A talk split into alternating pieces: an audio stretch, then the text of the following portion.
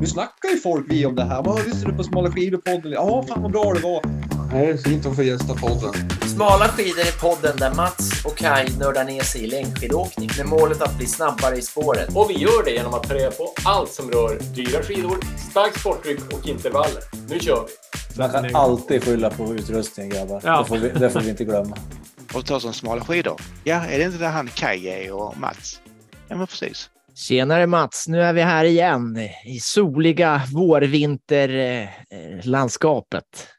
Ja, hallå, hallå! Från, eh, från den andra delen av Zoom, verkligheten.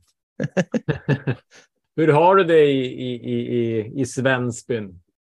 Ja, här är det stenhård skare och fantastisk skidåkning. 365 grader överallt. Eh, någon vecka Ja, till skulle jag tro.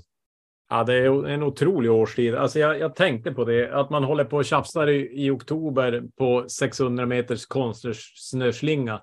När man liksom, många lägger av den här årstiden när det är som absolut bäst. Det är Ja. ju märkligt. Ja, det är ju som att man tränar hela vintern för att orka glida omkring timme efter timme på skare nu. Det är så himla lätt att vara borta liksom flera timmar och bara njuta. Så att eh, fantastiskt. Ja, men och du gör ju det och jag gör det, men jag tror det är många som, alltså det är ju klart mindre folk på Lindbäcksstadion exempelvis, så att många tror jag lägger skidorna på hyllan den här. Man kanske korvgrillning är väl ganska högt upp, tänker jag, här uppe i alla fall. Ja. Eh, men ja, så får det vara. Ja, det ju, blir ju ännu mer yta att åka i lugn och ro för oss då, men det är väl bra att jaga ut folk sista veckorna här då. Mm. Men du, eh, vi brukar ju alltid prata träning och, och med tanke på din inledning om, om eh, strålande sol och eh, skare så kan jag ana vart, vart en del av din tid har gått. Men du kan väl berätta om sista veckornas träningar. Ja, eh, jag måste ta fram appen här så att jag verkligen eh, säger rätt då, men eh, eh, ni, nio eh, timmar och en kvart vart det sista veckan. Ja, grymt. Och det är ju då en, två, tre styrketräningspass med min grabb eh, och sen är det då skate på skare resten. Mm. Det är, eh, det är tydliga fokus i alla fall och eh, lite, lite nytt här. Du pratade om även förra avsnittet med styrketräning så att eh, det gör ju också att eh, kommande tema som vi ska berätta om strax passar väldigt väl in på din nya mentala eh, styrketränings eh, fokus. Ja, det, det känns ju som att dagens gäst kommer att eh, helt klart eh, humpa upp eh, resultaten till nästa år. Och, om jag följer dem så att säga. Det är väl Mm. alltid det där, om man följer måste man ju lägga till för att det är ändå det det går ut på att göra det. Ja. Nej, hur, men, eh, eh, hur går det med din träning då? Ja, men jag tycker ändå att det går bra. Jag, jag såg på Strava, man har ju någon sån här training index eller jag vet inte vad det heter, men någon sorts eh, och, och den, den går ändå ner den här årstiden och jag tänker väl att det kanske är bra att man eh, timmarna håller jag, men, men det känns som att kanske intensiteten är lite lägre. Eh, så, men eh, ja, vi gjorde ju ett skarpass här i lördags och det var, jag sa Thomas som jag då åkte med, att det var nog kanske det härligaste passet jag någonsin har gjort på skidor. Alltså det var helt otroligt. Vindstilla, strålande sol, stenhård skare. Alltså, så var vi bland vindkraftverken där och åkte. Det är ju också mäktigt på något vis, även om man kan ha åsikter om hur snyggt det är. Men jag tycker det, jag tycker det är stencoolt. Och så när vi stannade och fika, då var det en stor sten och så var det två perfekta stubbar. En lite smalare för Thomas lilla rumpa och en lite större för min. så det var Och så gjort för oss. Och så någon god fika eller? Ja, exakt. Kaffetermosen rymdes i en vit, jag har en sån här liten, eh, ja, nej, det var otroligt. Men och sen, eh, sen, ja, jag har väl varit i gymmet lite grann, men eh, det ska vi, det ska vi ju uppa nu här framöver. Sen, sen var det ju då igår eh, tävling, sista tävlingen för året med klubben då, eh, från vinter till vår. Så alla startade i långbyxor och åkte i mål i shorts. Och, eh, ja, jag låg på rött i stort sett hela. Det tog väl 30 minuter att åka en mil då. Eh, Men ja, det var tufft och jag, Inklusive striptease alltså? Eh, Ja, men min striptease var extremt effektivt. Jag hade dragkedjor efter hela sidan, så jag tror jag var snabbast. Jag, I nedförsbacke bara så drog jag upp och ryckte dem och kastade dem i sidan. Så att det var... Men sen var det de som mecklade på betydligt mer än så. så att, Så du tog eh, aldrig av dig pjäxorna menar du? Utan du drog nej, av nej, nej. bara? Nej, Men fick man det eller var det, var, var det dopade byxor? Nej, men, ja, men man fick det. Men, men, och ingen tog av sig pjäxorna, men skidorna fick man ju ta av sig om man hade vanliga byxor. Ja, förlåt, eh, jag sa fel, ja. men jag, det var ju det jag menade. Ja, Ja, mm. jag, jag fattar.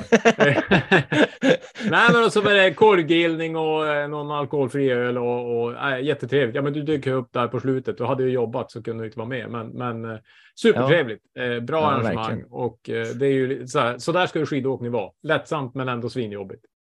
Ja, precis. Och, och kul. Och vi kan väl slå ett slag för eh, vad heter det, vår skidklubb här i Pite. Eh, Pite, vad heter det? Ex- Exepite. Exepite. Eh, vi vill gärna ha fler vuxna eh, lekkamrater som man kan eh, träna och åka med och, och, och sådana här roliga lopp och så där. Så att, eh, Ja. dyk men, gärna och upp. det, det, det var inge, inte supermånga deltagare, men det var ändå seriöst. Det var sån här pip när man startade liksom eh, prologen och ja, det var riktigt härligt. Ja. Eh, så man känner sig Mm. som ett proffs. Eh, Och Weeboardsen, de var ju väldigt proffsiga. Det var ju Ja. Norrlandsguld. Va? Ja. ja, exakt. ja, ja det, det är som det ska vara. Nej, men så att nu, nu eh, är det väl eh, att hålla ut och jag har faktiskt börjat löpa också lite grann. Jag, jag har väl en tanke om att hänga med på Vallspetslöparna här på fredagar och då behöver man ju som löpa lite grann. Så jag har, åkt, jag har sprungit i 20 minuter två gånger nu ute här bara för att börja röra på, på benen. Eh, Ja. Så att eh, jag har sprungit lite löpande i vinter också, men, men, men det känns att man behöver komma igång. Så det känns också ändå kul, även om jag inte är någon löpare, men, men efter sin förmåga så, så är det skönt. Det är ju enk, enkelt att löpa om man säger så ja, det är ju mindre material och mindre valla att bråka med. Så att säga. Ja, exakt. Eh, På tal om valla, bara en kort grej. Igår, jag hade med mig ett, jag hade vallat upp två par skidor, en med gul slip och en med blå slip och var helt säker på att gul slip skulle gälla för det var ju blött. Men blå slip gick bättre så att jag, det här med teori och skidor, eh, det funkar inte särskilt bra. Alltså, jag fattar ingenting. Och du sa ju också till mig tidigare, så här, Liv hade ett par med gul slip, de gick skitbra. Kommer du ihåg att du sa det? Ja. Eh, och jag tänkte nu kommer jag att dominera här, men det, det var ju bara blå slip. Så att, ah, ja, eh, jättekonstigt, för det var ändå rätt blött och, och, och så. Men ah, så att eh, Ja, men det är tur Det- att vi ska ha en säsong till då, för det finns ju uppenbarligen luckor i våran, våran game här. Ja, helt klart. Och, det, och då kan man ju säga, men då måste det vara skidans karaktär. Men den skidan med gulslip var ju också väldigt lite som tog i backen. Men ja, eh, det där ska jag reda ut. Jag, jag måste ut och testa mer faktiskt, för det var, jag var klart störd på att eh, det inte blev som jag hade tänkt så att säga. ja. Eh, Men det, det är ett annat avsnitt och i dagens avsnitt har vi ju en gäst som både du och jag har träffat på i, innan vi började podda faktiskt. Du i XCC, ja, vad heter det? XCC 1000? eller vad heter CCC 1000-läger det? CCC hade vi 1000, ja precis. i Torsby tror jag. Mm. Ja, och jag träffade Håkon Breistrand i, på ett läger som jag åkte på i, till eh, Mora. Eh, och eh, vi båda har väl positiva intryck eh, från Håkon, så vi tänkte att dagens tema eh, styrketräning slash skador eh, känns som eh, att Håkon är rätt man på rätt plats. Ja, precis. Du ska ju staka och då är det bra att vara, liksom, förbereda kroppen så att den eh, tar sig till Mora på ett skönt och snabbt sätt. Och jag har Mm. lite problem med axeln och så, ja, så det var, jag tror att det blir ett bra, bra snack, eh, få lite input så vi kan bli bättre gubbar så att säga. Ja, för det handlar mycket om gubbar, helt klart. Eh, eh, gu- gubb, gubbskidor kanske vi byter namn till någon dag, vad vet man. Men eh, ska vi ta och lyssna? Ja, vi, vi kör. Så, då hälsar vi välkommen till Håkon Breistrand till podden Smala skidor. Ja, men tack för det. Tack för det. Och, ta- och tack för att jag får, jag får hänga med. Ja, kul att du ville vara med. Jag, jag tänkte att vi kan väl börja. Jag tror att många ändå har sett dig. Du har ju en del följare och både jag och Kai har ju träffat dig i olika tillfällen i livet. Men jag tänkte så här, kan du ge en liten hisspitch på vem Håkon är till en början? Ja, men det kan jag väl göra. Jag är numera 43 år. Född och uppvuxen i Trondheim i Norge, men har bott senast, vad blir det, sedan 2003 är det väl i eh, Stockholm. Nej, 2003, 2006 är det i Stockholm. Och i Mora, en vända, men nu är jag tillbaka i Stockholm. Eh, jobbar dels som sjukgymnast, eh, men också som tränare främst inom konditionsidrott. Och, och håller på väldigt mycket med, med längdskidor och löpning och det som med, främst. Men väldigt mycket när det gäller rörelse, teknik och de delarna som leder till teknik kan man väl säga. Ja, så det är många olika pusselbitar. Men så är det mycket annat också med lite resor och läger och aktiviteter och sånt där. Men, men eh, det är väl lite smått och gott det jag håller på med. Så jag kan väl säga att jag är väl ingen elitåkare på något sätt och åker massa skidor och åker fort och så här. Det är väl kunskapen som jag kan bidra med och inte så, så jättebra idrottsliga resultat. Men, men du har haft en elitsatsning förstår jag när jag googlade det igår kväll lite grann. Eh, tidigare, Nej, alltså, man, om man kan kalla det. Jag har ju, jag har ju åkt skidor när jag var ung och så jag slutade väl tävla när jag var 18 eller sånt där. Ja, just det. Skidgymnasiet där. Men, så det är ju jättelänge sedan och jag kan säga att det som jag jobbar med nu, det är, det är inget jag kan använda från den tiden, för det har ju så hänt så extremt mycket. Ja, jag har en bra känsla för att åka skidor och så stå på skidor balansmässigt och sånt där. Men tänker man stakning som vi kommer att prata om nu, det är ju, då kan jag nog tacka mer min sjukgymnastiska utbildning. Så jag läste lite extra på biomekanik och lite fysiologi och sådana saker. Men jag kan ju tacka det och inte att jag åkt skidor för 20-30 år sedan. Nej, men det, det är ju en, en intressant parallell. Där vi har diskuterat ganska mycket just att eh, jag har ju ingen bakgrund i skidor och har börjat Nej. åka när jag var typ 45. Och man kan ju konstatera att man har en stor nackdel ändå av att inte ha gjort det som ung. Så Ja, att jag tänker att det ändå är en viss fördel, eller en stor fördel. ja, och det är ju det är väl en anledning till att det blir- att det är ganska populärt att staka också för att många som börjar åka skidor som när de börjar bli lite äldre så känner jag att det är lättare att lära sig en sak än att försöka lära sig flera saker. Och just det där med skidkänsla, du behöver inte ha så mycket känsla för att stå på två skidor, men att diagonala är bra och hitta känsla där och förmågan att stå på en skida. Det är klart att då, då är det en fördel om du åker skidor eh, hela livet. Mm. Det är det ju. Så det kommer Ja, bli precis. lättare för dig Mats nu när du ska fokusera på stakning. Allting kommer Ja. bara bli lättare. Kanske. Ja, kanske, ja. Vi får väl se. Men så, Nej, men så, någon- har man det där med, så har man det där med kroppskontroll igen. Och kroppskontroll och gubbar, det är inte alltid den bästa kombon.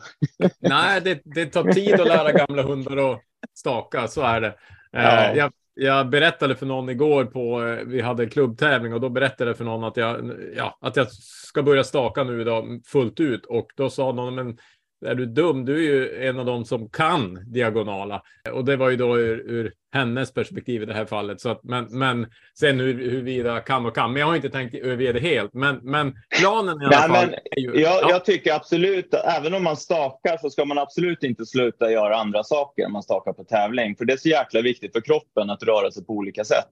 Och är man sån att man inte vill diagonala, ja men köp ett par skateskidor och skateutrustning och börja skata. Bara för att belasta kroppen på olika sätt. För det är, det är så lätt att bli skadad. Man får problem för att man bara kör monoton och monoton. Och kanske med en fysik som inte håller för det. Så det är, man ska vara lite försiktig. Absolut. Ja, men jag håller, det var rätt intressant. Vi, vi, fokuset på dagens eh, poddavsnitt är ju lite grann styrketräning för att klara av staka. Eh, Ja. Och eh, för två veckor sedan då, då var jag och stakade ganska hårt i uppförsbackar och alltså efter en timme hade jag så ruskigt ont i ländryggen så att då tog jag mina skins och åkte. Eh, och i början gick det sakta, men så sakta men säkert så kom som kroppen igång och så ja, sen efter en halvtimme kanske på medoskins och, och diagonalåkning så då var ryggen bra igen. Eh, så att eh, helt klart så, så ja, jag behöver blanda än så länge för att klara av tuffa stakpass. Ja. Så det ligger mycket i det du säger. Men det blir lite som att ja, men ska du springa ett maraton plast asfalt så är det inte så att du slutar springa i skogen för det. Alltså, du vill ju belasta kroppen på olika sätt. Och, Mm. och, och skate är ett jättebra verktyg för då tränar du andra muskelgrupper. Mm. Man ska komma ihåg att livet är ju mer än att bara staka ett Vasalopp. Alltså man ska ha en kropp som håller för många olika saker. Och då gäller det Mm. att träna olika delar av kroppen. Det är det ju. Mm. Det låter ju bra. Min plan för nästa säsong det är ju både fortsätta staka för Vasan men också eh, vara med på några skatelopp och eh, träna Ja. skate och både på sommaren på rullskidor och sådär. Ja. Jag har haft lite problem med, med en axel. Det liksom, eh, när jag var 40 så fick jag något så här, det nöp till i axeln. Och eh, nu börjar jag närma mig 50 så det är lite samma symptom fast jag tror att det handlar mer om stakningen, att man, man gör det där som du säger, det är monotont, man krummar framåt. Ja, och så ofta så kan det vara att man inte har teknik eller kroppskontroll till att köra eh, över tid, men man gör det ändå. Man kanske har hjärta, lungor som, som klarar av det, men man kan inte nyttja kroppen på ett effektivt och bra sätt och då blir det ju förslitningar. Alltså det blir ju, det blir ju problem. Blir ju. Men eh, säg mer om det där. Vad, vad menar du med att man inte har kontroll? Eh, Kan, kan du brodera lite mer? Vad, är liksom, vad har du sett? Men man kan, man, man kan väl säga att åker du, i min värld så mycket det att man vill åka tekniskt bra och, då, och styrka är ett verktyg för att åka tekniskt bra. Det är just att använda sin kropp på ett effektivt sätt och kunna egentligen nyttja den kapacitet man har. Så att se att du har en kapacitet som är 100 procent, men att, att komma så nära 100 procent som möjligt eh, med den teknik du har. Ju sämre tekniskt man är, ju längre ifrån är man ju och då måste man ju kompensera mer med sin fysik, råstyrka till exempel, Eh, eller kapacitet, konditionsmässigt, syreupptagen som måste kompensera. Eh, då kan du ha någon som är dåligt tränad men bra tekniskt som ska åka fort ändå. Och så kan du ha någon som är jättebra tränade men som åker, eh, kan inte åka så fort för att de är så dåligt teknisk. Och tar man till exempel simning, jag, tänker, jag vet inte någon av er som kan kråla är bra på det. Det hjälper inte om du, är, du kan vara bäst i världen på att springa, men har du ingen teknik på simning, du tar inte fram i vattnet. Eh, Nej. så det gäller liksom att använda, ja, jag också, använda kroppen på bästa möjliga sätt. Är. Och är det så att du inte kan det då, men du fortsätter staka ändå, ja, men kanske axlarna då tar stryk, eller ländryggen tar stryk, eller, eller någonting annat, armbågen tar stryk eller sånt där. Så dina tre pelare låter som är styrka, eh, teknik, liksom kunna röra kroppen korrekt och sen eh, VO max kondition. Eh, Ja, nej, jag, jag skulle hellre vilja säga att arbetsekonomi och då i, i form av teknik blir det ju arbetsekonomi får, påverkas av flera saker än bara tekniken. Men eh, hur, hur effektivt man kan röra sig. Men säg tekniken del, men tekniken påverkas ju av många olika faktorer. Alltså rörlighet är ju ett, en faktor som påverkar tekniken. Eh, är du stel eh, vissa ställen så kanske du inte har förmågan att åka tekniskt bra. Då måste du ändra den delen för att kunna utveckla. Du kanske är svag rent stabilitetsmässigt eh, eller du har dålig aktivering av rätt muskulatur. Eh, så det är så många olika saker som påverkar tekniken. Men såklart, sen så har du ju då syreupptaget som är den viktiga. Inom, det är en konditionsidrott så kondition måste man ha för att kunna syresätta muskulaturen. Så är det också uthållighet. Så det är många olika saker som påverkar. Men jag tror nog bara det där med, med kroppskontroll är ju extremt viktigt och det går igen i allt vad man gör. Oavsett vad man gör så ska man göra med bra kvalitet. Men vad är, man- vad, vad är den enk, eh, liksom vanliga anledningen att, att gubbar får ont i axeln när de eh, åker skidor eller och stakar? De är för svaga och de, sätter, de är för dåligt tekniska. De är för svaga, men så vill de staka ändå. Det. Och det blir lite grej där att det blivit populärt att staka och jag, jag gillar ju rörelse. Jag är ju en staknörd, men jag är en tekniknörd överlag. Men det gäller ju bara att bygga en teknik som håller så att man har en hållbarhet i det man gör. Och jag vill ju gärna att den teknik man ser en åkare har på slutet av ett Vasalopp, den ska ju vara ganska lik den man har i början. Det, så, men många har ju inte det och det är klart att då finns det ju en ökad risk för skador. Och har man ett dåligt utgångsläge från början också så är det kanske, ja, det kanske inte är så smart att starta ett Vasalopp. På åktiden är det extremt långt. det, det skulle inte vara så kul för publiken om de hade, om alla hade samma teknik på målrakan. Det ska ju vara lite, det är Nej, ändå men en inte- publiksport inte- lite grann. Ja, men inte teknik att, som alla andra, men man har ganska lik den teknik man själv hade i början. Ja. Att man inte ser ut som en kratta när man kommer på slutet, att det är liksom ingen form av teknik överhuvudtaget. Jag tror Kai syftade på att ha ett visst underhållsvärde just mot Ja, ja, det kan alla krattor. Det kan det ju vara. Eh, Men om vi ska... Se på Marcel Långgarden när backarna kommer på slutet. Det är, det är, många, det är många som eh, kanske inte borde ha blanka skidor. Nej, och jag tänkte faktiskt det. Vi, eh, vi åkte ett lopp här tidigare och sista eh, milen kanske var jag frukt. Jag har ju stakat två lopp, eh, sidningslopp och då, då känner jag att nu är det dålig teknik, men jag måste ta mig i mål och då, Ja. då går ju ryggen sönder för att man, man är ju sned och vind och kastar sig Ja, en bit en bit. Men där är det ju också det att man ska tänka så här, eller lära sig själv att vad behöver jag förändra när jag blir trött? Och som ofta så förändrar man ju åt det negativa hållet. Alltså man gör tekniken sämre, men det är där ska man egentligen förändra så att man ställer kroppen kanske i snällare positioner. Så det är lättare att åka rätt, Mm. eh, så att inte ryggen tar stryk. Men Mm. då har, jag, då har jag en fråga, för jag kommer inte Mm. ihåg vilket, vilket lopp det var, men det var ett långt lopp, kanske Marcialonga eller Vasaloppet. Jag känner att jag har lite, liksom, det ömmar eller börjar göra ont i axeln eller här bak i nacken. Det är väl någon sån här gammal, inte bara skidrelaterad utan från livet.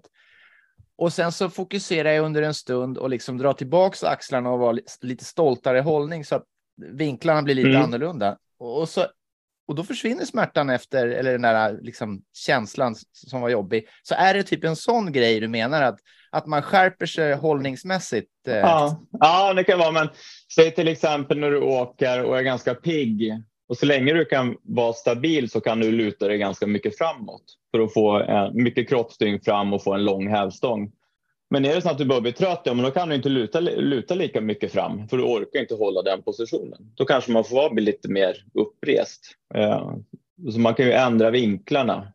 På samma sätt som man diagonaler så kan man ju ändra frekvensen i rörelsen. Man kan ju ändra längden på rörelsen. Det är lite samma på stakning också. På samma sätt som på cykel, att du kan växla till en lättare växel. Mm. Börjar du bli trött så, så sitter du inte kvar och försöker trampa på den här tunga växeln som du gjorde innan. Du måste ju växla för att förändra. Och det är samma sak inom skidåkning också. Att man, att man, man pratar delväxlar inom skidåkning, alltså stakning, stakning med frånskjut och, och diagonal. Men man kan ju växla hur mycket som helst inom varje delteknik också. Gör. Jag tänker att vi kan väl gå in på, för att få lite struktur i eh, det här samtalet. Om vi tänker oss nyckelövningar för styrka när det gäller stakning.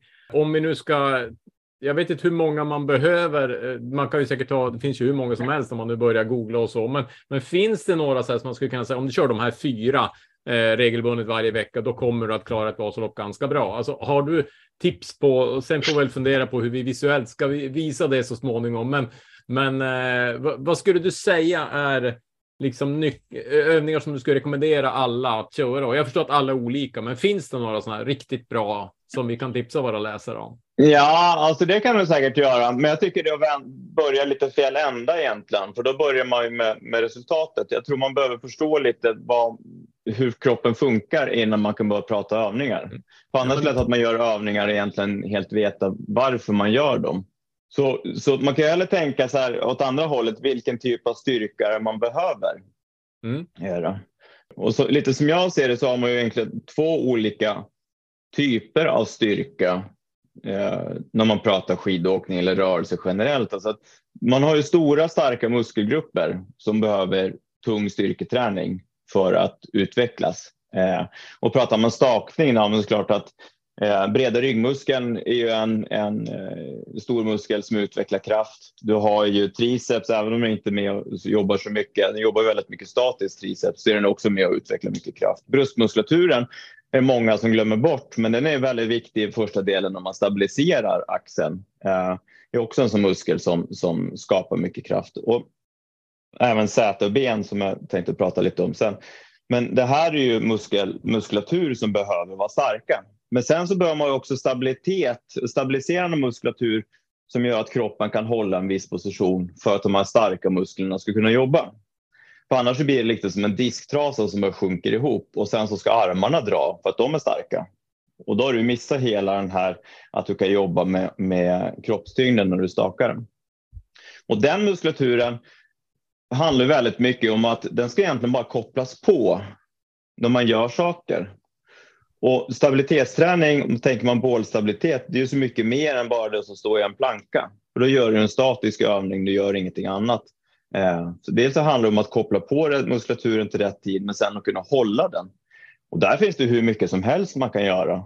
Och jag tror nog att variera och göra många olika saker och röra mycket på sig är ju det som är nyckeln för att det ska vara bra. Ja.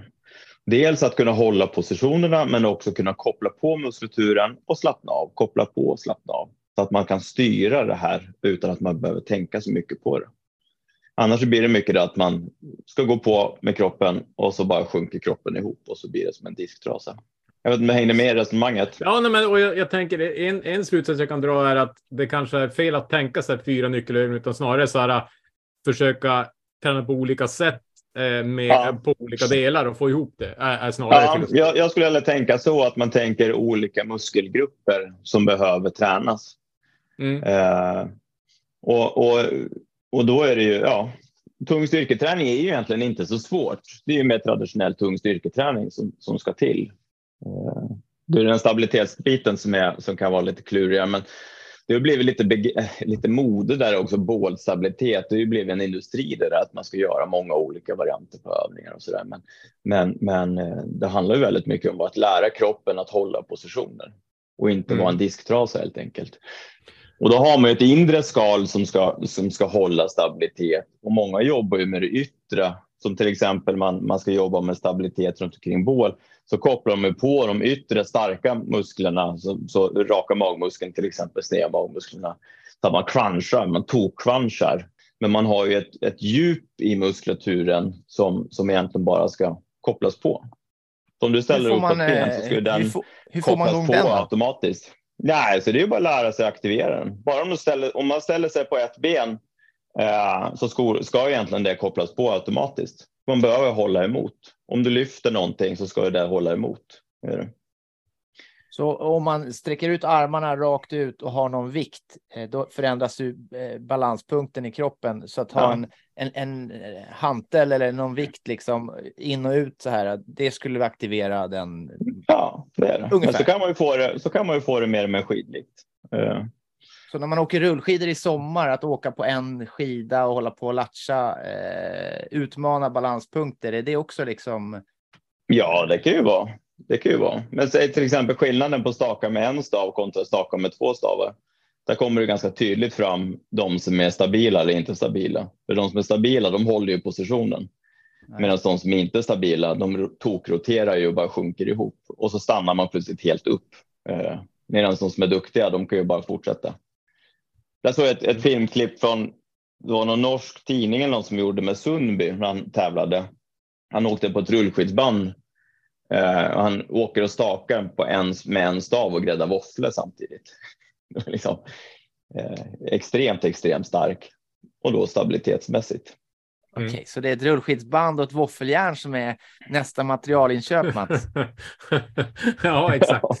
Nej, ja, det tycker jag man har sett ändå. När det bryts stavar på upplopp i sprint så är det ibland man så här, det tar ett tag innan man ja. ser att de ens har tappat en stav. Det tycker jag är ganska coolt. Uh, ja. Skulle man ha motionär där så skulle man ju, de skulle stanna upp. Ja. Det skulle bara bli, bli katastrof. Mm. Uh.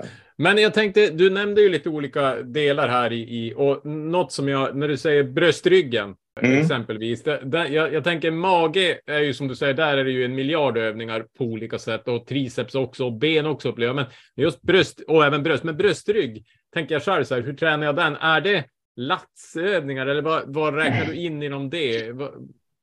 Ja, så pratar man ju, nu är det lätt att man spånar iväg och pratar om olika saker, men tänker man, eh, alltså klart att latsövningar är ju viktiga för att latsen är ju med och skapar mycket kraft, så det är ju muskeln som ska vara stark. Men ska man tänka sig att hela skulderpartiet med skulderbladet och axeln, det är ju ett system som behöver funka. Dels så ska du ha en rörlighet, men ska du också ha en kontrollerande styrka omkring. Annars är det lätt att man bör kompensera. Man drar upp axlarna till exempel. Man blir väldigt spänd i, i, på övre delen av axeln och kan sätta sig upp i huvudet och sånt där.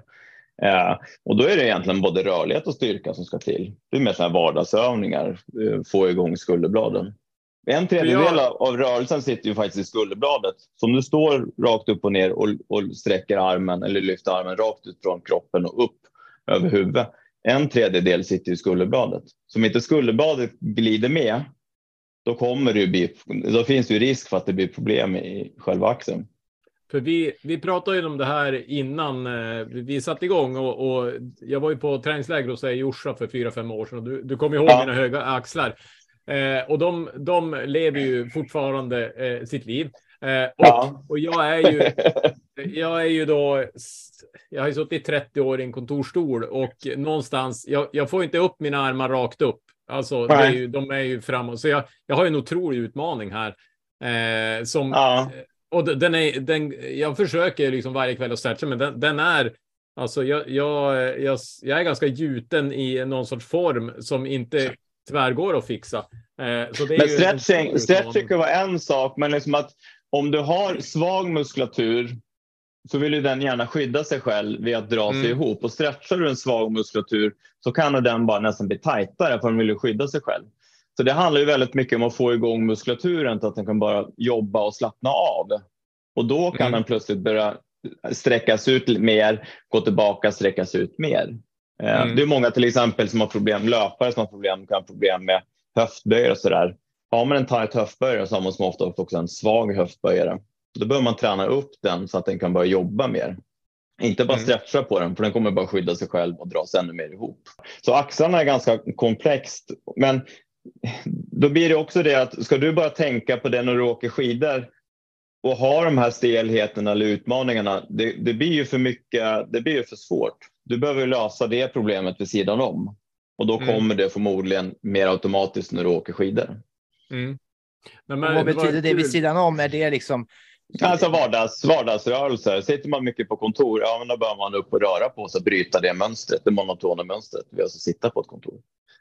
Och när man köper mjölk i, i, i, på affären så, så ska han liksom gå omkring med mjölkpaketet uppe, nej, nej, nej. eh, till kassan typ. eh, Eller Nej, det är inte det, är inte det det handlar om. Liksom. Men tänk, sitter du åtta timmar framför en dator så är det ju åtta timmar i en statisk position. Kan man bryta det mönstret då och då så är det ju jättebra. Och det Mm. behöver inte vara så svårt. Liksom. Att tänka en, en axel, ja, men den kan sträckas upp över huvudet framför kroppen, den kan sträckas uppifrån, eh, från ut från sidan, den kan rotera. Kan man göra lite så här saker då och då under dagen så, så hjälper det. All, alla Mm. små saker hjälper ju i slutändan. Men det är en kul parallell. Vi, vi intervjuade Lars Ljung eh, för ett tag sedan och eh, han Ja. berättade att han hade haft de problemen i junioråldern, att axlarna var höga. Ja, Eh, och då hade han haft en stödkrage för att liksom känna direkt han, han kom fel. Och Ja. i hans fall så kan man ju tänka sig att det inte var rörlighet utan någonstans att han var spänd. Eh, och Ja. kanske också svag. Så att jag, jag tolkar det också som att det här är, eh, för jag, alltså när, jag har ju en, man har ju varit i olika sammanhang med olika tränare och läger och allt möjligt. Och, och det är ju ofta så här, åk mycket skidor så, så kommer det också att bli mer avslappnat. Så att det, det är ju... Eh, Ja, men det beror, det, beror på var, det beror på var problemet kommer ifrån. Det det. Mm, Har man konstant stela axlar för man sitter och jobbar framför en dator och man stressar mycket och håller på. Nej, det kommer inte bli mer avslappnat när du åker skidor. Den, den kommer ju ligga kvar. mm, Så det, det då måste man lösa det. För man skulle tänka att ja, det är en sak kanske om någon elitaktiv som har det som jobb som gör det. Men det här är ju en del av vad man gör eh, av en totalbelastning. Eh, Mm. och då får man ju se över olika saker. Mm. Och ja, I min värld så är det mycket det att ja, styrka rörlighet, det lägger vi in för att åka mer effektivt skidor. Det ska man ju Mm. komma ihåg hela tiden. Det handlar ju om att få ut mer och mer av sin fysik för att kunna då åka mer, bättre tekniskt och, och, och nyttja kroppen på ett bättre sätt. Men, men jag tänker att min rörlighet som då är dålig, den är ju ändå, alltså i min optimala startposition så är jag ju aldrig i den ytterligheten att min rörlighet egentligen ska begränsa mig. Alltså jag har ju aldrig äh, armarna rakt upp exempelvis, utan i en bra stakrörelse så där inom är jag ju. Så att någonstans kanske det eh, ändå, eh, även om det är dåligt att jag inte har den rörligheten så är det kanske som du säger att det är i, i någonstans i styrkan eh, och få ut den då i sin teknik så småningom som är Ja. problem. Ja. Ja. Och det ser man ju generellt att generellt sett kan jag säga att, och det är ofta så att många de, av de som jag träffar, de har ju en dålig balans i kroppen och det ställer ju till en när det blir eh, när man ska åka skidor. Ta ett Mm. sådant exempel som, som vi säkert kommer att prata om, och just det här med ländryggsproblem som är, oftast handlar om dysbalanser i kroppen. menar Du du kan gärna, disbalans? du kan gärna men, menar du typ på- att man är starkare på vänstersidan än högersidan eller vad, att man på framsidan och baksidan? Är det det du menar med obalans? Ja, ja, lite det. Jag kan väl, om ni vill, ska jag berätta ta lite hur jag till tänker. ländryggen. Mm. Ja, för man kan tänka sig så här att, eller nu är det ju, dels kan man säga att har man mycket problem med ländryggen när man åker skidor, ja men då ska man ju söka hjälp och få, och få, få hjälp och kolla vad det kan vara för någonting. Eh, och då är det också en fördel om man såklart får hjälp av någon som har lite koll på längdskidåkning. För annars är det ju svårt om man, om man bara har problem när man får åka längdskidor. Om man går till någon som inte kan längdskidor, ja men då kommer de inte lösa problemet. Då kommer det bli lite så här, ja det kommer bli lite konstigt. Eh, Men väldigt många av de som jag träffar, de använder ju ländryggen alldeles för mycket när man åker längdskidor. Och i min värld så, så jag, jag brukar dela upp stakningen i tre olika delar och det som egentligen skapa förutsättningar för en bra stakning, det är uppåtrörelsen. De flesta pratar ju alltid med, de pratar väldigt mycket vad som händer på väg ner. Du ska cruncha, du ska stabilisera, du ska vara så och så. Men kommer du upp på fel sätt så kommer du sätta kroppen i fel position och sätter du kroppen i fel position, då kan du inte aktivera rätt muskulatur. Det hjälper liksom inte. Eh, och det som händer för väldigt många, är att de använder ländryggen alldeles för mycket på väg upp. Och då är det också att du kommer att resa dig mer upp och bak med överkroppen, men nu ska du söka dig framåt. Det som också händer om man använder ländryggen för mycket på väg upp, det är att man blir svank. Man reser sig upp i en svank och kommer upp i svank, då sträcker du ut framsidan alldeles för mycket, alltså raka magmuskeln. Den blir för lång, då kommer den vara omöjlig att aktivera. Det blir mer att man putar med magen än att man får en kontraktion, alltså att det dras ihop. Uh, och då, är, då blir det nästan lite så här att man, någon tar tag i rumpan på en och bara drar rumpan jättefort, jättesnabbt tillbaka. Och man faller väldigt snabbt ner med överkroppen. Och då blir det hela tiden att man reser sig upp med hjälp av ländryggen.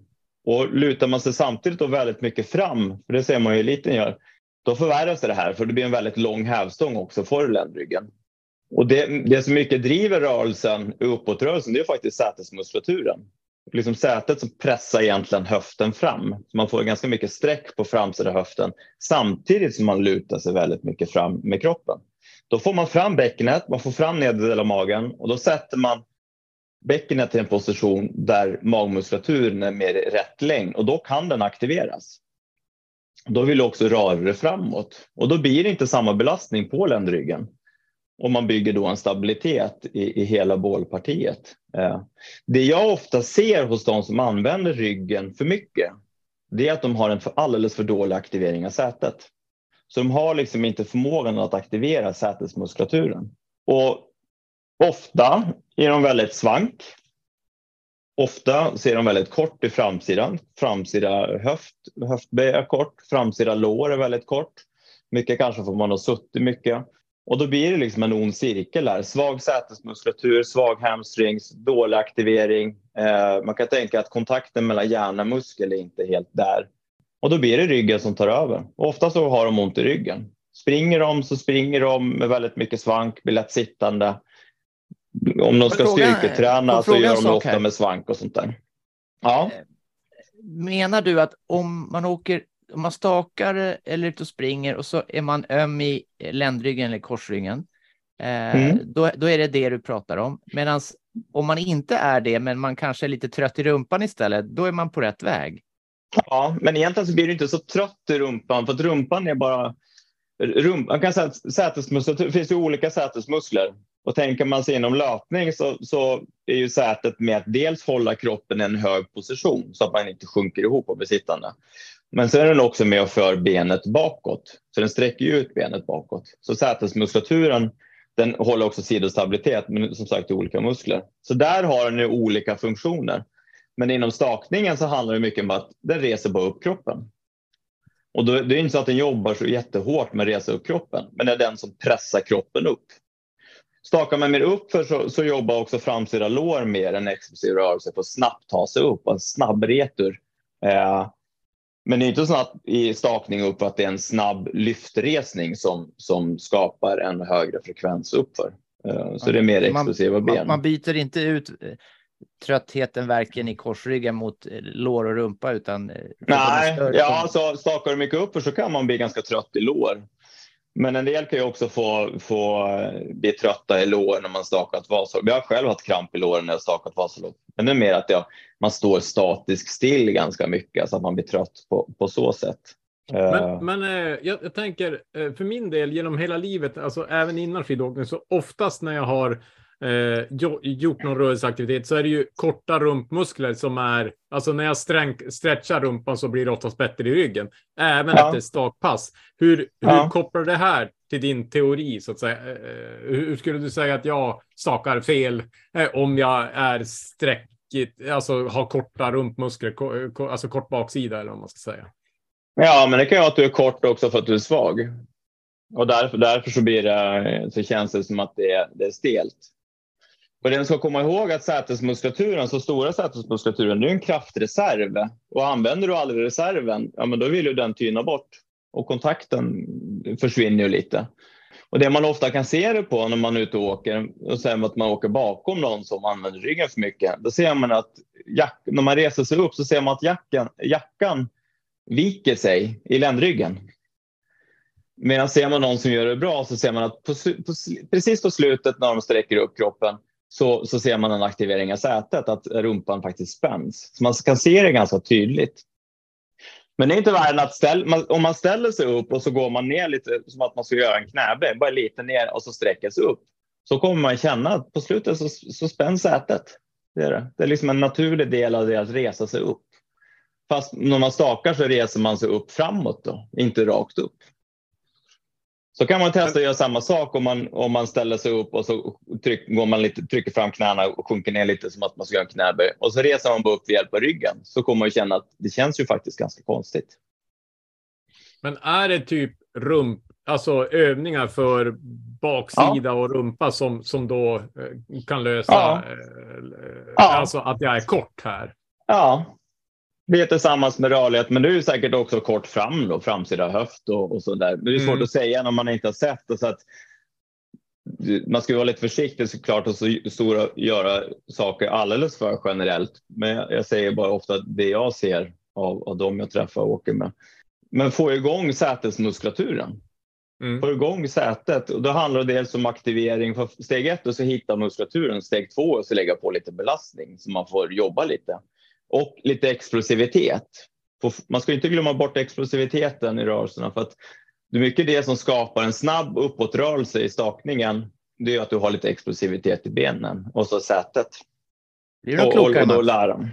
Nej, men jag, jag tänkte på det faktiskt. Det kul att du kom in på det med starkhet, för jag tänkte på det att ibland får man ju för sig att man, man, eh, man får inte bli. Tittar man på, nu är ju eh, stakåkare ganska muskulösa, men tittar man traditionellt på ta en sån som Niklas Jonsson som var i Piteå så är han ju stark, men han är ju inte så biffig som, som man upplever. Alltså, man har ju som tunat om kropparna känns det som på skidåkarna.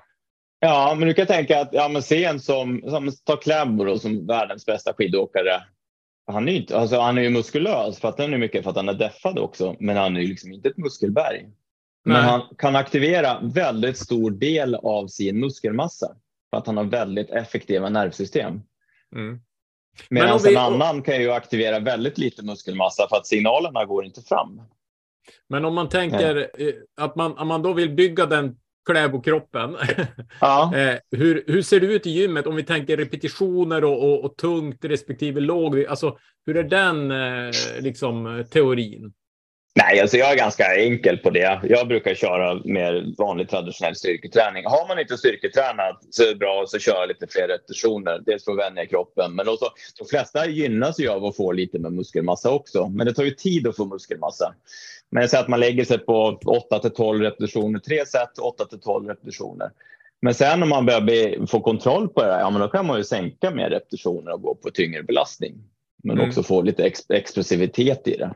Jag tror de flesta så, de flesta så länge de gör styrketräning så är det ju positivt. Mm. För många skidåkare, de struntar ju i det. Och så går man och, och så kör man fler intervaller, fler längre pass, man kör allt sånt där. Men så blir man fortfarande inte bättre. Och då måste man göra någonting annat. Och då är det ju tyvärr för många skidåkare så är det ju styrka och rörlighet som ska till. Mm. inte, det, inte det svaret folk vill höra. Nej, men, men insikten kommer ju till slut om man tränar och tränar, men det går inte åt det hållet man ja. vill. Men du kan också... testa om, om nu Mats till exempel skulle testa så ställer du upp och så försöker du luta dig väldigt långt fram med ländryggen. Bara så få en knäck i höften, luta dig väldigt långt fram. Då kommer du känna ryggslutet efter ett tag. Det känns ju obehagligt. Eh, och det är där du gärna hamnar säkert när du stakar. Det blir tufft för ländryggen helt enkelt. Mm. Men eh, en, bara för en, en uh, avsluta där med styrke och repetitioner och så. Eh, något vi, jag minns inte vilket avsnitt i podden här, men, men eh, jag för mig i alla fall att, att efter 45 så, så börjar musklerna krympa, alltså i volym. Så att jag, ja, jag det, tänker... det som händer är att man har ju olika muskelfibrer och så man har ju snabba muskelfibrer och de snabba muskelfibrerna har en tendens att tyna bort eller omvandlas till långsamma muskelfibrer. Och då tappar man ju explosiv styrka och, och, och, förmågan att vara stark, alltså råstyrka. Men det går det ju att man, bromsa. eh, är det därför man säger att man är en seg, seg gubbe? Just att Ja. man har... Liksom, ja. Ja, och det är samma också på samma sätt om man tappar syreupptag. Alltså man kan, man kan kanske hålla ganska hyfsat högt tempo över tid, men man kan inte köra riktigt hårt på en kort tid. Det är som att man har. Men det där går ju att bromsa och det går ju också att utveckla om man har om man inte har eh, håller på med det. Kolla Auckland liksom att ja, men han hade ju syreupptag som en 25-åring eller någonting, en ålder av 50. Så det är inte så att det går att göra någonting åt det. Men det första som händer när man styrketränar, om man tänker tung styrketräning, det är ju, det är ju att muskel, alltså nervsystemet blir mer effektivt. Kolla många tjejerna som stakar, det är ju inte någon muskelknippen och sånt där. De är ju gärna ganska smala, eh, men de är jäkligt starka ändå. Mm. Så då, då, då, det behöver inte handla om volym. Men så, nu pratar jag om den tunga styrketräningen, men så har jag all stabiliserande muskulatur som behöver ha sitt också. Och där handlar det också om att belasta den på ett, ett sätt så att de utmanas. Eh, så ja, man kan och stå i en statisk planka, men det kan vara bara för att hitta lite känsla, hitta lite position. Men gör andra saker då medan du står i en planka. Lyft på en ben, lyft på en arm, lyft någonting, dra någonting under dig, gör saker för då måste du ju hålla Grädda, stabilitet grädda en samtidigt som du gör kanske. Ja, grädda en våffla. Ät den. stå, stå på ett ben, hitta stabilitet, gör någonting med händerna, ha en vikt, du lyfter, sträcker, alltså massa sådana saker. För, att ut, för det får inte bli att man håller på för länge, för då blir det plötsligt uthållighetsarbete. Då blir det inte styrketräning längre. Ja, men och, och vill man, eh, ja, ja, du har ju mycket roliga klipp Håkon. Jag tycker speciellt när du har haft dina köksövningar med leksaker tycker jag är särskilt underhållande och de känns som att de faller i den där kategorin. Så det kan man säkert hitta någonstans på eh, Youtube eller dina kanaler. Eh, Ja, men- om man går tillbaka. Det, det har varit lite sånt där senaste åren, men, men ja, går man tillbaka lite i flödet så, så, så hittar man. Är det på Men- men Instagram att- eller på Facebook? Vad heter det? Var, var är flödet för den som... eh, Eh, på Instagram, eller så finns det ganska mycket på, på den Youtube-kanal jag har också. Ja. Men igen, så igen att kan man då aktivera rätt muskulatur, sätta kroppen i rätt positioner, ja men då kommer mycket av det andra automatiskt. Och då blir man ju mer effektiv på att staka. Så eh, styrketräning inte bara för att bli starkare utan för också Nej. nervsystemet ska bli effektivare. Ja, och du lär känna, alltså du, du får en bättre kroppskontroll som gör att du kan röra mer effektivt. Nej. Jag är övertygad att många, många som, eh, särskilt gubbar som håller på att staka och stakat på många år, de får liksom inte till det. Då borde egentligen göra något helt annat, gå på en danskurs eller någonting. Liksom, Utmana kroppen på ett helt annat sätt. Jag skulle tänka mig haft en träningsgrupp där man har kört träning en till två dagar i veckan, en gympasal där man har kombinerat liksom rörelse, hopp, krypa, klättra med styrka. Då tror jag man skulle kunna utveckla hur mycket som helst. Än att bara köra sina vanliga intervaller och sånt där, för det, det gör ju folk ändå. Nej, men jag tror också att många hamnar i att de kör så här chins, dips, benböj, bänkpress. typ. Alltså den typen av övningar bara, ganska statiskt.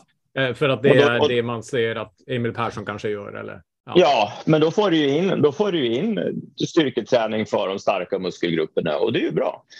Men det är mer som ska till. För Mm. att få igen att om du får en bra framåtlutning, en bra position och liksom får ett bra häng i stavarna. Om din kropp inte orkar vara stabil, då kommer du bara sjunka ihop som en disktrasa. Då kommer du röra dig från dina händer, från dina stavar. Och då måste du ju dra med händerna för att kompensera. Medan Mm. kan du hålla det stabil där, då kan du hålla kroppen nära händerna, nära stavarna och då kan du ju faktiskt dra med hjälp av kroppen. Och då kan du använda din kroppstyngd på ett väldigt effektivt sätt. Och det är därför det ser ut som att vissa duktiga åkare, det ser knappt ut som att de petar i stavarna när de åker. Och det är ju för att de är stabila. Och så har du någon Mm. annan som åker liksom med tok mycket frekvens och bara vispar med händerna och sådär. Ja, men de måste göra det för att de inte är tillräckligt stabila. Mm. Ja, shit, det Så kommer det inte bli någon skidåkning alls i år. Det kommer vara styrketräning nu. Jag känner värsta Nej, men det här, här. är, jo, men det här är, det här är någonting som går... Liksom, man ska ju tänka kvalitet i allt vad man gör. Det är det. Och ska man Mm. ut och åka skidor, ja, men då ska man ju få med tekniken i, i skidåkningen hela tiden. Liksom jobba med rätt saker. Inte bara ut och så köra och kötta på och så. Och, och så blir det skit i, i, i rörelsen. Tränar man med stavar till exempel, kör älghyfs eller skidgång, ja men stabilitet, aktivering av sätet går igen där också. Är man ute och springer, ja men stabilitet, aktivering av sätet, hålla kroppspositionen. Rullskidor, samma sak, skier. Liksom- springa obanad terräng blir ju mer eh, sån träning än att köra platt asfalt eh, när man ska Ja. springa. Ja, eller variera liksom. Jag tycker det är roligt att köra olika saker liksom, för det är ju det är roligt att springa fort om man springer platt asfalt, men det är härligt att springa terräng och känna liksom att man flåsar på ett annat sätt också. Så det, Ja. det, varias- variationen är ju bra. Ja, det här är bra snack. Alltså, jag har ju varit sån motståndare till styrketräning för jag har inte tyckt att det har varit roligt och då träning ska vara kul. Men jag börjar känna liksom glädjenivån bara vid tanken på. Jag har ju kommit igång lite grann nu med min grabb, Mm. men det här, det här känns som att jag får vind i seglen. Eh, Ja, hur är det för dig, hur är det för dig Mats? Man ska Nej, mer tänka jag- rörelse än Ja, jag- liksom Ja, men gå in på det- det- gymmet. det, det jag tycker är lite kul här som jag anar, men och jag, du, du har ju en bättre träningsbakgrund än mig Kaj. Det var ju så att du har hållit på med kampsport och sånt där, så du är ju ganska rolig och jag är ganska stel. Men eh, jag ser ändå att din styrketräning är ju ganska mycket skivstång och de här tyngre övningarna. Men jag, jag har ju fått program av Stefan Thomsson och jobbar lite grann, så jag, jag har ändå varit lite grann i de här kombinationsövningarna och jag, jag, jag har hela tiden tänkt att jag vill, jag vill jobba med tyngre övningar, men jag inser att jag kanske ska det kanske inte är så dumt att hålla på med de här äh, lite kombinerande övningarna som känns mest bara fåniga. Men de är nog ganska bra. Eh, så det, det, det känns bra. Ja, Håkon kommer ju svara. Det är bra att variera kommer han att svara. Det har jag Mm. nog förstått. Ja. Att, att det, man ska inte nörda ner sig på en grej, utan man ska utmana hela tiden nya grejer.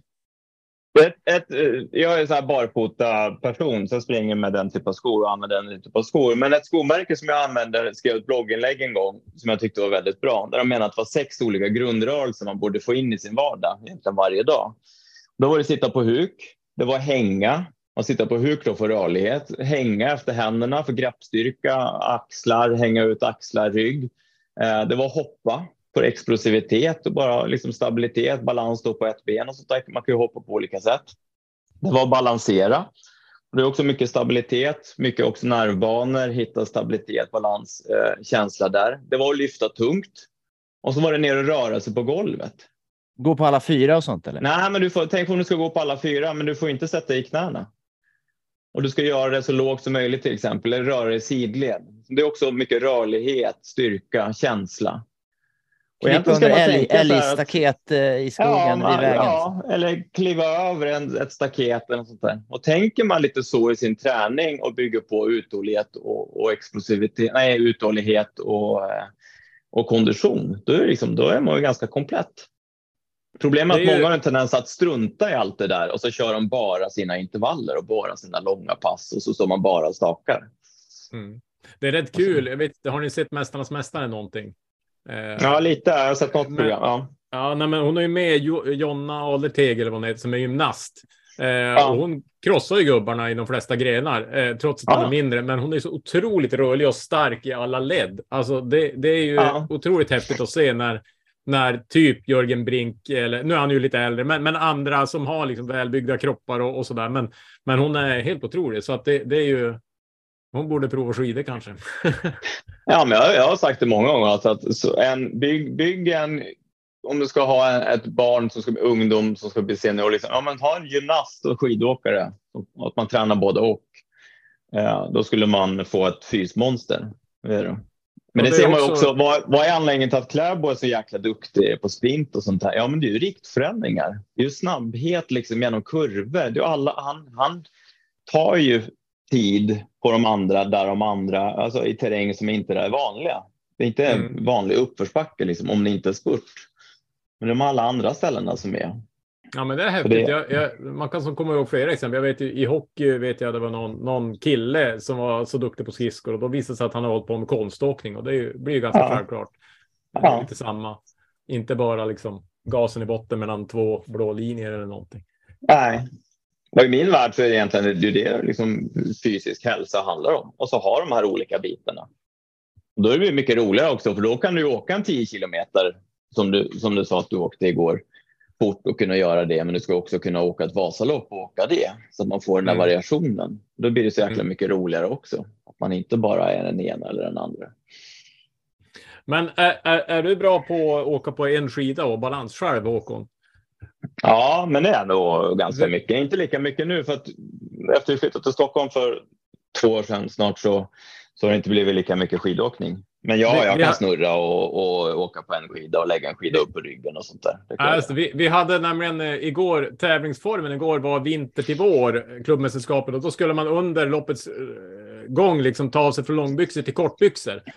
Och, eh, jag, jag, tänkte just det, det finns ju några, Erik Wikström är en sån där som har väldigt bra balans man har sett och så där. Det hade varit kul eh, och, och se vem, vem som klarar av att ta sig ett par långbyxor som man nog inte har byxor ja. hela vägen till shorts eh, åkande. Så det är väl en, en utmaning jag skickar med här. Så om vi får se den på sociala medier någon gång hade varit roligt. ja, steg, ett, steg ett som en utmaning nog, det är väl bara att åka, ta av sig skidan och så sätta på sig skidan igen. Ja, exakt. Det är, det är en utmaning, en, en tillräckligt stor utmaning. Ja, ja det, det, var många roliga varianter på det där igår i alla fall kan jag säga. jag kan tänka mig det. Jag kan tänka mig det. Men du, vi, vi börjar närma oss till slutet. Jag, jag, jag, vi pratade lite innan här om, om eh, min eh, träningsläge jag var med dig och hur, hur ja. eh, att jag inte var på mitt bästa. Och jag, jag har ju ett traumatiskt minne från detta som jag tänkte dela i alla fall. Men, men, och jag vet inte om du kommer ihåg det, men vi, vi, vi var ju på i eh, nu ska vi säga Moraparken va? på hotellet. Ja, ja. ja det kan det stämma. Eh, och då fanns det ett litet gym där. Och vi var väl tio personer och så var vi där inne och så hade du en övning där man skulle liksom vrida upp bäckenet och ta fram svansen. Och jag var ju helt talanglös på det där. Men det kan jag så... säga att, om jag bara får säga en kommentar där. Det är det som händer när man aktiverar sätet. Ja. Då pressar man fram där. Ja, du har helt rätt. Och, ja. men, och din kommentar, det var bara så här lite muttrande så här, gubbe, sa du. och så gick du vidare till nästa. Eh, och, eh, och då tänkte jag, ja, det kändes lite mobbigt och jag var lite deprimerad och sådär. Men, men en kul grej då, jag, jag sa det till Kajsar, är eh, Håkon en mobbare eller ett geni? Därför att sen den dagen har jag gjort den här övningen varje gång jag borstar tänderna i typ ja. fyra eh, Så jag tror jag är ganska bra på den nu, tack vare ja, din men bra genidrag. Så att, jag är nog inte en mobbare, det är bara att jag kan vara väldigt rak i kommentarerna i stunden. Men det är liksom, det är ju med kärlek och det, det är ju skidåkning. Det är ju en rolig grej man håller på med. Det är liksom det. Men du, det, jag tror att det var ett genidrag för Mats. Han skryter om att han har de mest vältränade gubbvaderna i hela Norrbotten, för han gör de här övningarna också. Han borstar tänderna. Så att ja, jag tror det, var, det var precis rätt typ av eh, provokation eh, så att säga. Jag har, jag har tre borsta tänder. En är ju att stå på ett ben och blunda. En är den här ja. eh, svansen eh, och den, eh, den tredje är ju alltså. Du vet, jag fick ju gubbvad där också. Eh, okay. I en uppförsbacke. Ja, så att jag fick så, den, så de tre har jag kört. Ja, så men det är jättebra. Ja. Och det är ju där om man har den här med svansen som du pratar om. Det är en planka där man hittar nedre delen av magen och står rätt. Liksom. Ja, men då ska man ju hålla den och så göra andra saker. Då kan man ju utveckla det. Liksom. Mm. Mm. Det är så man utvecklar. Sätt, sätt mer och mer rörelse på, snabbare rörelse, mer, mer och mer belastning, tyngre belastning. Mm. Du, så egentligen är det, inte, det är inte övningen i sig som är det viktiga, det är liksom hur man gör övningen som är det viktiga. Mm. Eh, jag, jag, kom på, eh, på eh, jag såg på mina anteckningar här, jag och Kai pratade någon dag, så här, vad ska vi prata om? Och då sa du Kai, så här, finns det någon självtest? Och många är ju, kanske inte har tränare, liksom, är, finns det något smart jag tänkte på det här med, med position och svaghet rygg. Är det, finns det något smarta sätt att själv testa? Liksom, eller, eller, eller är det att titta på de som kan åka och försöka filma sig själv och liksom se vart det brister? Är det bästa sättet? Alltså filma sig själv och, och titta är jättebra. Ta hjälp, för det är värt det. Mm.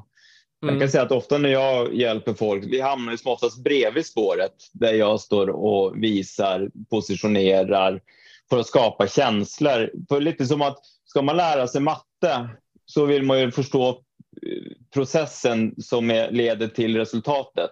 Inte bara försöka gissa sig fram till resultatet. Och det är väldigt många gör. De försöker gissa. Så någon gång så lyckas de kanske. Men väldigt ofta så lyckas man inte. Men kan man få mm. verktyg till att faktiskt förstå processen, ja men då kommer resultatet av sig själv efter ett tag. Mm. Eh, så, så sök hjälp eh, är ju jätte, jättebra. Mm. Ja, men jag skulle göra det. För att säga att, att det är något test som, man, som mirakulöst kan lösa problemet? Nej. Jag har, ja, ska man ha ett test som faktiskt är väldigt bra i förhållande till aktivering av mage, om man aktiverar rätt och kan resa sig upp ganska bra. Det är ett test som jag skapade för ganska många år sedan som är kallat väggtest. Så där kan man gå in på min Youtube-kanal och så söka på väggtestet. Så gör det. Mm. Ja, men det är bra. Jag kommer nog ihåg. Jag har nog sett det där någon gång, men jag kommer inte ihåg hur det var, så det ska vi kolla upp. Eh, ja, alltså man, det är egentligen kort. Man ställer sig med hälarna in i väggen eh, och så lutar man sig lite framåt och så tänker man att man ställer sig och så testar man att gå på med, med som man gör då en attack och så gå på med kroppen om man skulle staka. Är det så att man svankar där och inte får en bra aktivering av nedre magen och blir stabil, då vill rumpan sticka fort, väldigt fort bakåt och då går rumpan in i väggen och går du framåt. Är det så att du aktiverar rätt, då kommer inte rumpan gå in i väggen. Just det. Och den kan ja, man också må, använda om man och den kan man också använda om man står och tränar, man kastar medicinboll och sånt där till exempel och träna aktivering, just att ha väggen som ett riktmärke. Och rumpa, det är inte så att rumpan inte ska gå bakåt när det gäller stakning, för den, den kommer ju gå bakåt. Det, det, ska bara inte vara den som sticker först och den ska inte gå alldeles för fort. För då kommer det bli, eh, bli fel på andra sätt. Så väggtestet, mm. den, är, den är jättebra. Mm. Ja, kan. Coolt. Ja, det blir mycket att suga på här nu, eh, intryck. Vår, eh, eh, tror det här blir bra för vår eh, säsong, Mats. Kalibrera om eh, nervsystemet och hela... Ja, ni kommer, får ni igång nervsystemen, lär känna era kroppar, så kommer ni utvecklas tekniskt, garantera. Mm. Och då blir det också det att utvecklas man tekniskt, då kommer man ju också bli starkare när man åker. En del säger att mm. nu behöver inte styrketräning för det får du när du åker skidor. Om staka uppförsbacke så kommer du bli starkare. Ja, om du använder kroppen på ett bra sätt. Men om du använder den på fel sätt så kommer du bli stark på fel plats och då spelar det liksom ingen roll. Du måste ju få göra rätt. Mm. Ja, Lika lätt bra. att göra rätt som min första chef på mitt första jobb sa när jag gjorde fel. Så sa han alltid Kaj, det är lika lätt att göra rätt. Så att, eh, vi får väl jaga det då. Ja, ja jag tror jag var lättare på jobbet än, än, än skidåkning, är min känsla, med tanke på att vi här avsnitt 55 fortfarande söker den gyllene formen. Men jag tror vi fick många nycklar idag. Det var ju grymt bra. Ja, men jag hoppas det. Jag hoppas det. Verkligen. Eh, men stort tack Håkon för att du kunde tack detsamma. lite tid åt oss. Det var kul, kul att vara med. Ja, tack. Sådär, det var Håkon Breistrand. En, en, han kan så vara eh, lite hård och brutal, men han är ju sjukt kompetent och då kan man ju ändå gilla. Eh, om man inte är kompetent skulle man inte tycka om honom, men, men han är ju sjukt duktig så att det blir, det blir bra.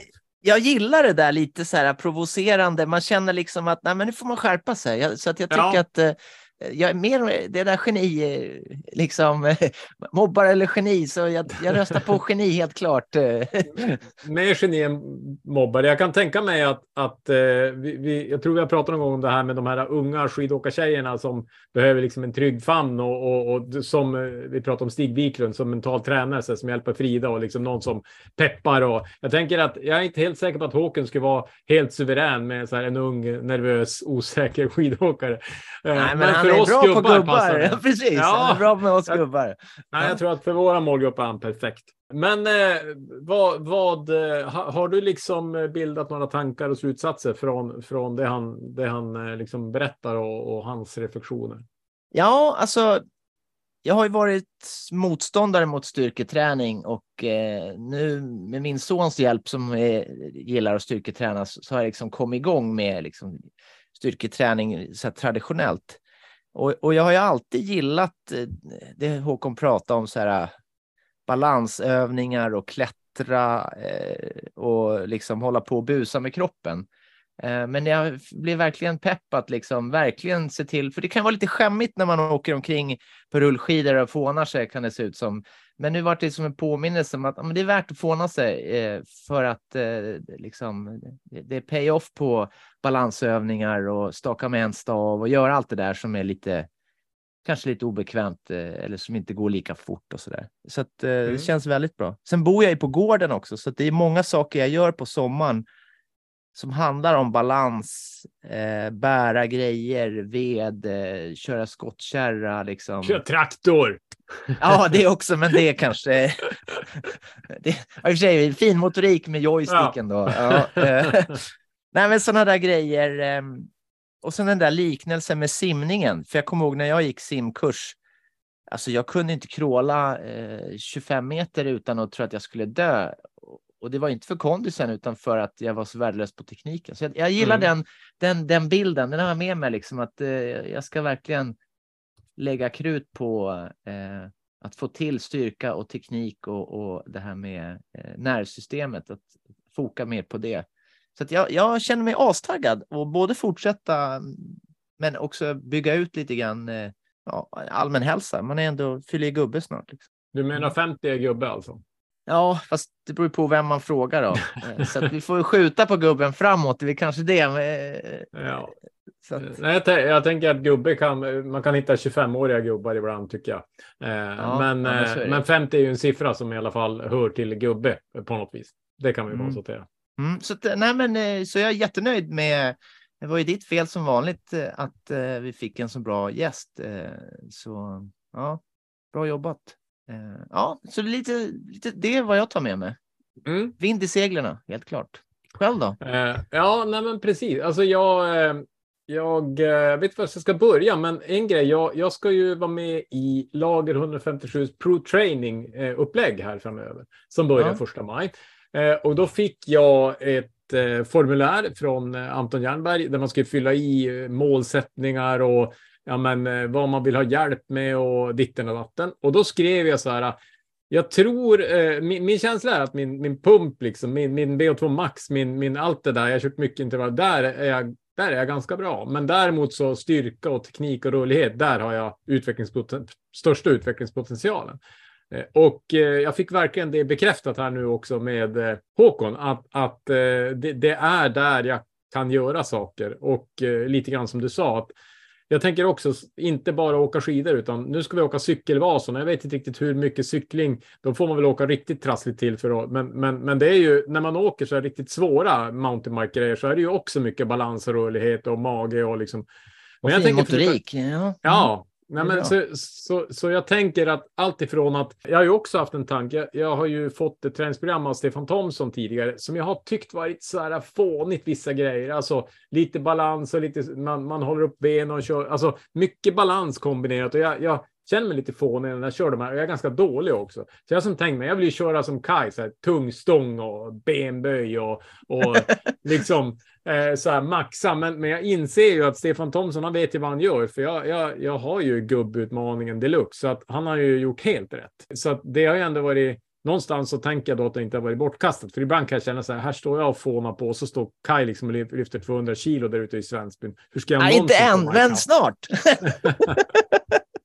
Ja, nej, så att eh, jag, jag, eh, jag, jag har börjat i rätt ända. Sen kanske, eh, ja, och, och jag, jag blir ju bättre och snabbare så småningom. Så att eh, det, det har, jag tror att jag är på väg, men jag ska, eh, det, det gav mig självförtroende att fortsätta den här vägen och kanske också utforska mer eh, kring dem. Så Mm. att, eh, ja, och sen tänker jag bara också, eh, det är ju på Star där vi, där vi tränar, både du och jag, eller du tränar mycket hemma, men, men eh, där är det ju lite olika pass också. Jag tror egentligen att man kan köra lite så här, eh, typ, nu har de inte bodypump, men jag kör ju yoga, men jag tänker att det kan vara så olika, olika pass kan också vara bra. Alltså, kanske prova Variation och... Ja, men kanske prova kettlebell eller prova crossfit är jag inte riktigt redo för, för jag tror att jag kommer att tävla för mycket där och bli, kanske dra på mig skador och så. Men, men den typen av träning tror jag ändå är ganska bra, alltså funktionell styrka eller liksom så. Ja, ja. Så att eh, jag känner också, precis som du, jag känner mig peppad att eh, öka på. Jag kanske ökar på till två styrkepass i veckan här under några månader för att eh, utveckla kring de här grejerna och, och, och även som du säger att, att liksom eh, på rullskidor kanske staka lite med en stav och eh, ja, köra lite smirredrag och, och försöka balansera på en skida och vad man nu kan göra. Så att eh, Ja, ja, det känns kul. Nej, Just det, nu när du pratar om det här med att du ska vara med i den här pro training grejen som du också nämnde för ett tag sedan. Så det har ju, det, det, du satte igång lite ångest eh, hos mig att du ska vara så jädrans eh, pro liksom och få så här. Så jag har faktiskt styrt upp eh, lite eget eh, inför säsongen också. Så jag måste bikta mig här så att du vet vad jag håller på med. Ja, berätta.